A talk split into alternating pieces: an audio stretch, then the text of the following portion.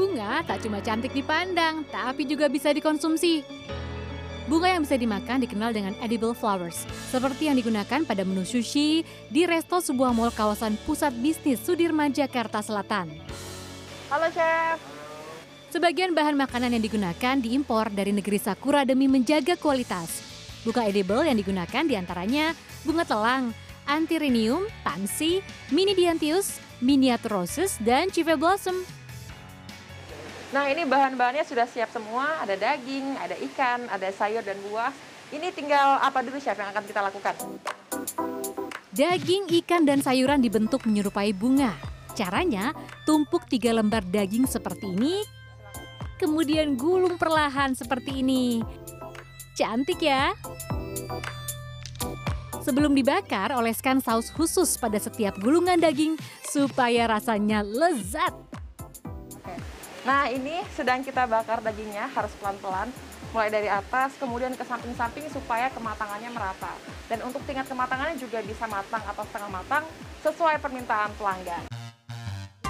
Sebelum disajikan kita ke tahap plating. Nasi yang sudah dicampur kulit tahu ini menjadi alasnya.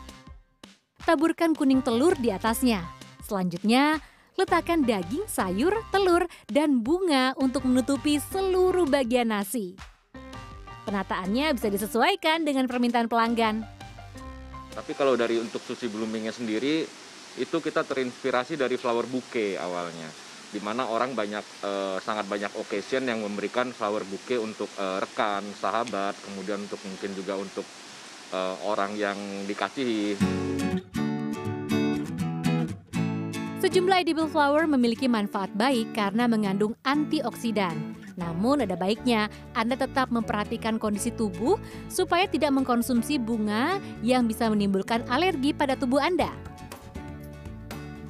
Jadi secara umum itu bunga yang bisa dikonsumsi itu mengandung antioksidan. Tergantung dari warna-warnanya. Sehingga kandungan antioksidan yang terkandung di situ ya disesuaikan dengan uh, biasanya warna-warna tersebut yaitu merupakan uh, pendukung jadi bukan sebagai obat. Tertarik mencicipi sushi blooming cake yang cantik ini? Anda bisa kok mempadu padankan bahan dan rasa sesuai pilihan dan kesukaan Anda.